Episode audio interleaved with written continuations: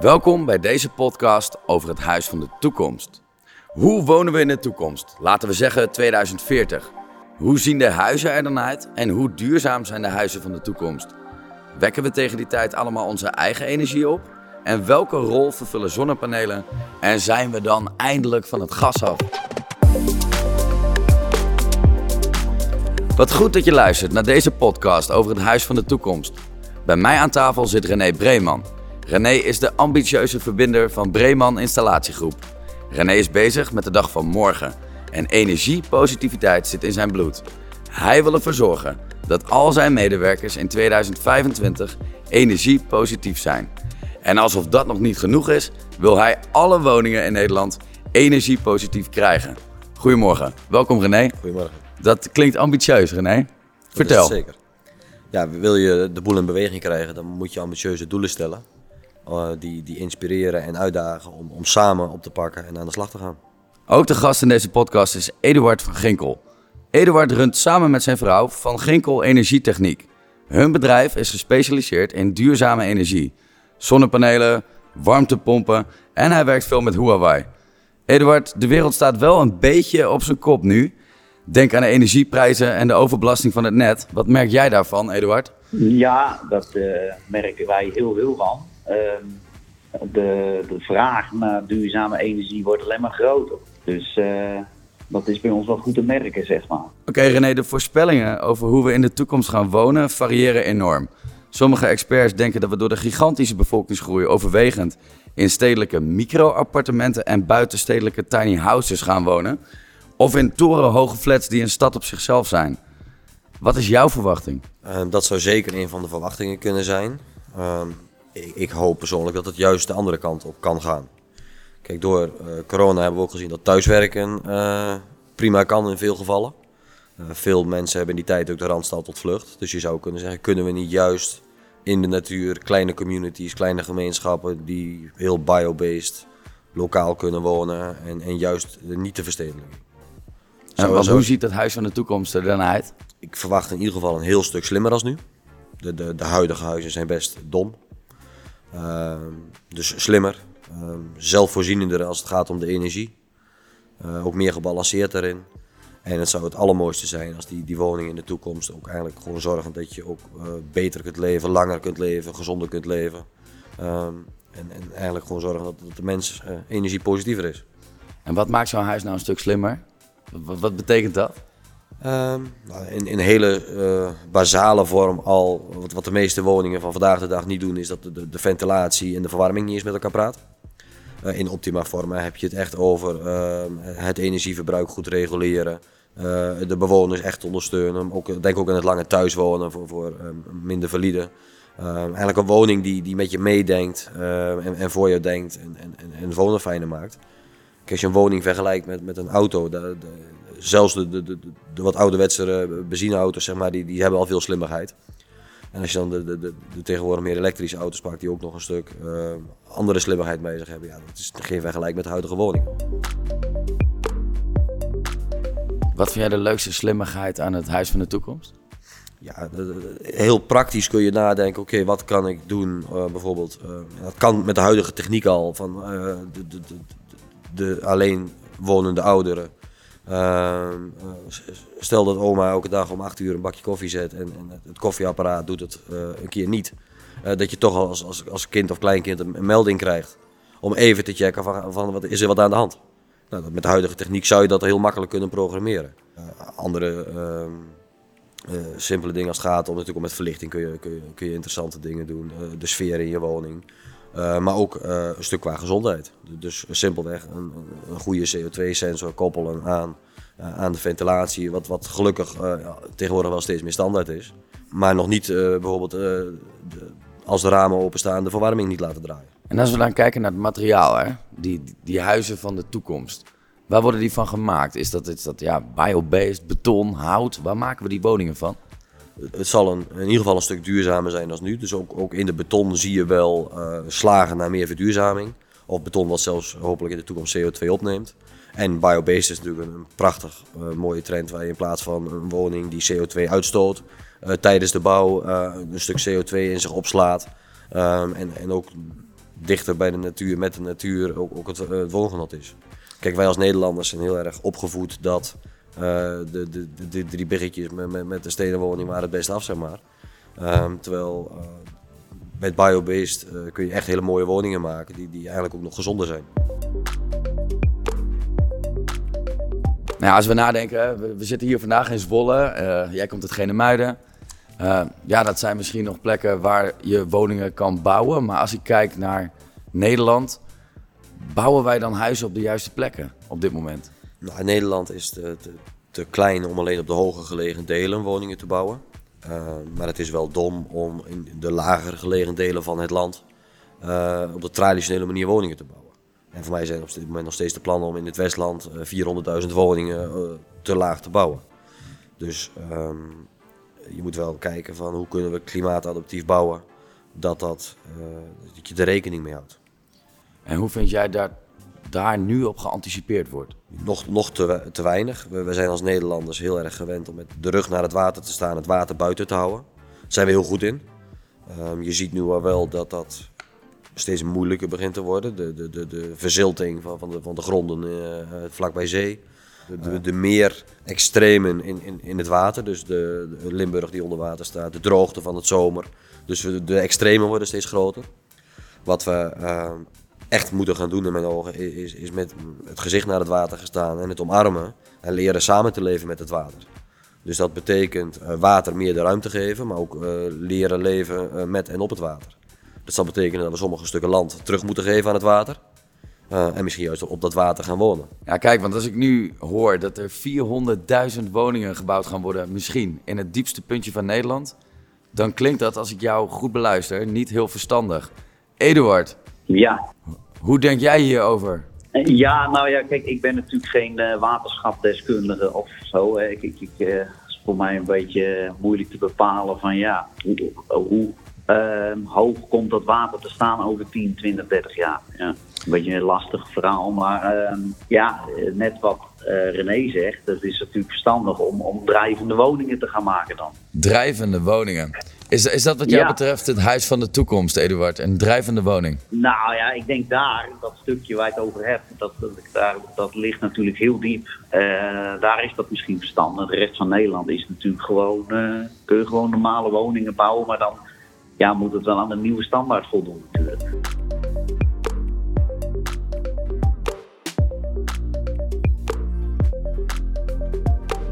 Als we kijken naar die nieuwe standaard, Eduard, wekt het huis van de toekomst alle energie op die het huis nodig heeft? Nou, ik denk dat de ene woning veel meer opwekt als dat die nodig heeft. En dat de andere woning uh, het niet op kan wekken, zeg maar. Kijk, als je een, uh, een uh, appartement hebt, centraal zit je met z'n allen in een heel groot pand waar je maar een paar zonnepanelen op kan plaatsen.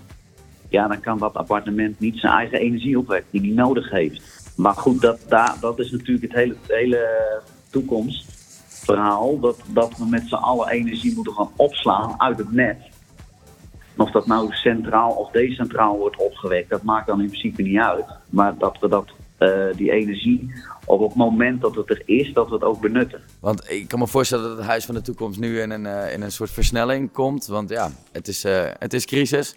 Um, ik kan me voorstellen dat mensen nu bezig zijn om te kijken naar hoe ze dit anders kunnen oplossen. Merk jij nu dat de consument ook meer vragen heeft over een batterij? Of ja, wat is de trend? Zijn ze bezig met warmtepompen, met uh, zonnepanelen? Wat hoor jij? De vraag naar uh, zonnepanelen die blijft nog steeds verschrikkelijk hoog. Dat, dat, gaat maar door. En de vraag naar warmtepompen, dat, dat is ook gigantisch hoog. En uh, het laatste half jaar merken wij steeds meer dat de vraag naar een opslagsysteem, de Luna, de Huawei batterij, dat daar steeds meer vraag naar komt. En daar zijn wij natuurlijk al jaren mee bezig. Wij verkopen al jaren Huawei, omdat deze ook uh, de energie vanaf de panelen DC-zijdig gelijk kan laden in de batterij. dat is misschien een beetje technisch, maar dat, dat, dat, dat heeft veel te maken met het rendement. Als je alleen maar uit het net laat naar de accu, dan heb je dus uh, ongeveer een 8% omzetverliezen van je omvormer. En nu kun je gewoon recht bij Huawei met de Luna batterij kun je gewoon rechtstreeks vanaf je zonnepanelen rechtstreeks laden in de batterij. Waardoor er bijna geen verlies is met laden en ontladen. En ja, dat gaan mensen steeds meer zien en wij krijgen er heel veel vragen over. En uh, ja, daar geven wij heel veel antwoord op. Maar de vraag blijft gewoon verschrikkelijk hoog naar alle soorten van duurzame energie. Ik kan me voorstellen dat die Luna-batterij niet aan te slepen is nu. Maar als hij er dan is en iedereen heeft zo'n batterij, gaat het dan ook zorgen voor een betere netbalans? Jazeker. De Luna-batterij van Huawei die gaat uh, zeker zorgen voor een goede netbalans. Dat, dat, dat is de oplossing. En wat we, uh, kijk, twaalf jaar geleden, toen vond iedereen het heel raar. Uh, zonne-energie, dat verdien je toch niet terug. Moet je ermee? Kost veel te veel geld, investering is te hoog. Nou, dat is nou met die Luna-batterij precies hetzelfde. Iedereen zegt ja, duur en ja, dat kan toch niet? En hoe ga ik dat terugverdienen? Maar dat heeft gewoon puur alleen maar alles met vraag en aanbod te maken. En in de toekomst uh, gaat dat alleen maar een grotere rol spelen. Dat in de middaguren de, de, de stroom goedkoop is en dat je s'nachts twee keer zoveel betaalt. En dan, ja, als je dan een, een, een Huawei uh, batterij neerzet, dan uh, kun je gewoon je energierekening een heel stuk omlaag brengen. Ook al heb je niet eens zonnepanelen. Dus het is ook nog eens keer voor mensen die helemaal geen zonnepanelen kunnen plaatsen. Die kunnen dus gewoon een Luna batterij plaatsen en hun energierekening gigantisch verlagen. Dus ja, nu, er zijn nu heel veel mensen die dat nog te duur vinden. Maar wij uh, zien de vraag steeds meer toenemen. En mensen, echte pioniers die voorop willen lopen, die zeggen van joh, uh, de salderingsregeling gaat aflopen. Doe een batterij erbij, dan ben ik gelijk klaar voor de toekomst. Nou, en als iedereen dat nou gaat doen, dan los je het hele netbalans uh, los je gewoon in één keer op. En, en als we dan even nadenken, dat huis van de toekomst. Um, we doen de deur open, we lopen door de gang en dan kom ik bij de meterkast. Hoe ziet die, hoe ziet die eruit, Eduard? Die meterkast, dat, dat, van, dat woord moeten we eigenlijk gewoon af. Want je moet gewoon één grote technische ruimte hebben, zeg maar. Het Huis van de Toekomst heeft natuurlijk gewoon zoveel apparatuur aan boord. En dat is gewoon handig als dat allemaal in één technische ruimte geplaatst kan worden. En zit dat binnenshuis of is de oude meterkast daar geschikt voor? Of hebben we echt een aparte ruimte nodig? Nee, de oude meterkast is daar niet geschikt voor. Daar heb je echt een aparte ruimte voor nodig. En dat kan natuurlijk ook buiten gemaakt worden. Met een soort unit. Of, of er zijn natuurlijk verschillende oplossingen voor. Maar we moeten naar één ruimte waar de, de warmtepomp, de omvormers van de zonnepanelen, de accu's. Dat moet allemaal gewoon gecentraliseerd worden op één plek. René, jij bent eigenlijk niet te spreken, weet ik, over die uh, huizen van tegenwoordig. Het kan allemaal veel slimmer. Ik hoorde jou net al een aantal voorbeelden geven. Heb je er nog een paar? Wat kan er nou echt slimmer? Nou, een deel van wat uh, Eduard net zegt, zie je ook terug. Dat veel van de uh, infrastructuur in een woning zo ingebakken zit dat, dat een, een verduurzamingsslag best veel arbeidscapaciteit kost. Um, het zou best interessant zijn om inderdaad te overwegen. Moet je niet de, de, de, de, de, de technische ruimte um, mobieler maken in de zin van aan de buitenkant van de woning, waar je of makkelijk bij kan om te servicen. Um, en af en toe draaf ik een beetje door, maar uh, een beetje utopisch zou het best interessant zijn, want Eduard noemt net ook, dat er mensen zijn die voorop willen lopen, die, die, die, een accu willen proberen, die het nieuwste willen hebben. Het zou best interessant zijn als je als zo'n technische ruimte een, soort leesmapconstructie krijgt. Ik ben A++ klant en ik wil het nieuwste van het nieuwste. En, en over een paar jaar zijn er nieuwere technieken. Pak mijn technische ruimte eraf.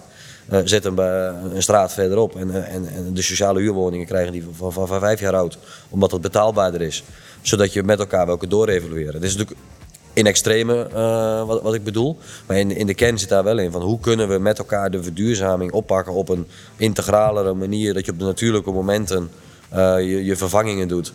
Uh, en, en, dan zijn de huidige woningen daar vaak veel minder voor geschikt. Vernieuwing of progressie gaat vaak ook met die early adapter, zeg maar. Zijn er veel mensen in Nederland die voorop lopen in deze transitie? Ja, het zijn er nooit veel, anders waren het geen early adapters.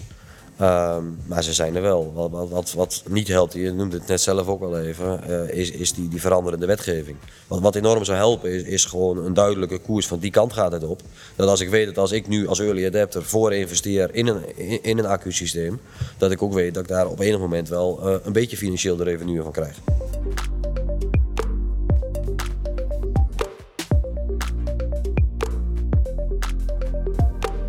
En stel, je koopt nu een huis een jaren 30 woning.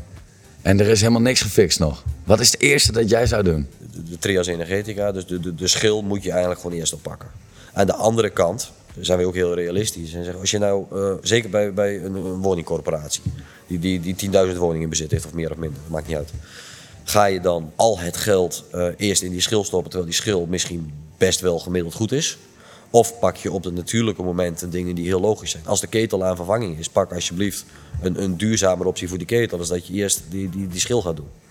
Dus afhankelijk van de situatie, van wat, wat, wat werkt het meest. We hebben ook al een keer een pand voorbij zien komen, jaren 20 van de vorige eeuw, een beetje monumentaalachtig. Uh, had echt wel helemaal all-electric kunnen worden. Uh, had je wel een hele diepe zakken moeten hebben.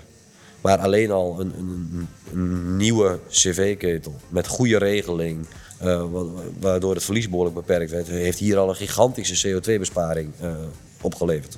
Dus um, in, in, tegenstelling tot het verleden. Kijk, de energietransitie is niet nieuw. Dat gaat eigenlijk al 100, 150 jaar uh, gaande. Maar we hebben natuurlijk vanaf de jaren uh, 60, 70, 80 uh, de cv-ketel was de oplossing voor alles. Dus uh, ja, we hadden heel veel verschillende merken cv-ketels, maar iedereen had een cv-ketel en dat werkte prachtig, even los van een paar warmtenetten links en rechts. Nu gaan we de andere kant weer op, dat je heel veel verschillende technieken voor verschillende woningtypes en oplossingen krijgt. Nou, we hadden net al waterstof even aan. Ja, er zullen wijken in Nederland zijn, uh, bijvoorbeeld de oude binnensteden, waar, waar watergas of biogas best een hele goede oplossing is. Er zijn ook heel veel gebieden waar je prima met all-electric uit de voeten kan. Nou, wat Eduard ook zegt, op plekken waar je weinig dakoppervlakte hebt, zal het heel lastig zijn om met zon al je energie op te wekken. Terwijl de andere plekken zijn, ik zeg, joh, leg alsjeblieft je hele dak vol. En uh, ook, ook, al heb je maar de helft nodig, want uh, waarom zou je het niet doen? Ik ben wel benieuwd, uh, jij zegt eigenlijk, we hebben al die, al die middelen nodig hè, om, het, om, om het te fixen met elkaar. Eduard, hoe kijk jij daarnaar? Hoe zorgen we ervoor dat al die huizen straks klaar zijn voor de toekomst? Nou, um het belangrijkste is natuurlijk uh, dat je een uh, hele goede basis creëert. Dus ja, met nieuwbouw is dat natuurlijk, ja, dat vind ik nog steeds, dat dat nog steeds niet helemaal goed geregeld is. Want je, je hebt een architect en die bedenkt wat. En dan denk ik van ja, bedenk nou, ga nou eens met elkaar aan tafel zitten. En ga dan zo'n goede technische ruimte maken in die woning als basis. En de, ja, de, de, oudere woningen, zeg maar. Dus ja, dan is het de, net wat René zegt. Ja, als er een hele oude schil omheen zit. En, en, en je verliest je warmte, zeg maar. Uh, door uh, je ramen, je dak en alles. Uh, vliegt de warmte naar buiten. Ja, dan is dat natuurlijk oplossing 1 om te doen. Um, maar ja, om al die woningen om te turnen. Dat is natuurlijk gewoon een gigantische uitdaging. Vraagt wel een hoop van de bouw en de installateurs. René, ja. 8 miljoen woningen. Hoe gaan we die allemaal energiepositief krijgen? Dat is een hele uitdaging. Daarvoor zullen we uh, nieuwe dingen moeten nog verzinnen. Zullen we ook uh, andere aanpakken moeten doen. Dus, er zullen geld en middelen beschikbaar moeten zijn. Nou, dan zie je wel dat in een jaar tijd die urgentie flink kan veranderen. met de huidige prijzen is het in één keer al veel redabeler om, om stappen te zetten. maar dat zal ook betekenen dat de mens daarin mee zal moeten veranderen. Het is vooral een sociale transitie, denk ik ook. En ook de, de energieopslag uh, uh, gaat daar ook uh, bij helpen. Dus, ik ben er echt wel voorstander van dat, dat, iedere woning zoveel mogelijk zijn eigen energie opwekt. Dat zal niet overal evenveel kunnen. Er zal opslag moeten en kunnen plaatsvinden. En of het in de woning is of, of in een blokje woningen. Of, of dat de netbeheerders het gaan oppakken. Om die, die pieken en dalen te kunnen oppakken. En, en uiteindelijk zal dat zich uitnivelleren in dat je ja, woningen krijgt die, die behoorlijk zelfvoorzienend kunnen zijn. Um, en dat is wel interessant als je vanuit die, die drijvende woningen redeneert. Dat vind ik een leuke metafoor. Uh, dan snapt iedereen dat je het, touwtje met de kant zo klein mogelijk moet hebben. Dus in één keer is het daar heel interessant. Oké, dan moet hij ook zonnepanelen op het dak hebben. Misschien een klein windmolentje erbij. Accupakket erin. Zodat zo'n woning lekker uh, drijft en zichzelf kan redden. Nou, en dat uitgangspunt voor alle woningen. Uh, dan denk ik dat je een heel eind op weg bent. En welke termijn? Concreet. Wat denk jij? Ja, ik, ik, ik stuur nog steeds op 2030. 2030. En dat is extreem uitdagend. Maar in tien jaar tijd kan er heel veel gebeuren. Ja, inmiddels nog maar acht jaar tijd. Uh, maar we zijn ook weer niet weer zo'n extreem groot land. Uh, als we maar met z'n allen willen. Duidelijke koers, de nodige investeringen. Uh, en wat daar wel een, een, grote uitdaging bij gaat zijn, is zijn er voldoende eh, arbeidskrachten met, om met elkaar deze klus te fixen. Eduard, 2030, zegt René. Wat denk jij? Ja, ik vind het heel enthousiast. maar Ja, ik, ik, ik ben bang dat we dat niet gaan halen omdat de, de vreselijke tekorten in de bouw. Het belangrijkste is dat we sowieso de, dat de energietransitie niet stopt. Dus dat, dat we met z'n allen volle bak door kunnen. Daar is de oplossing dan echt de, de batterij voor, zeg maar. Dus dat wij eh, allemaal energie gaan opslaan. Kort samengevat, er moet in de toekomst slimmere huizen gebouwd worden. En we moeten meer gaan nadenken over de locaties waar we deze nieuwe huizen gaan bouwen. En van welke materialen. En als ik René moet geloven, natuurlijk energiepositief. We gaan van het gas af en we gaan over op de accu. Zodat het net niet overbelast wordt, maar wel de energie opslaat. Dit was onze podcast over het huis van de toekomst. Dankjewel René en dankjewel Eduard.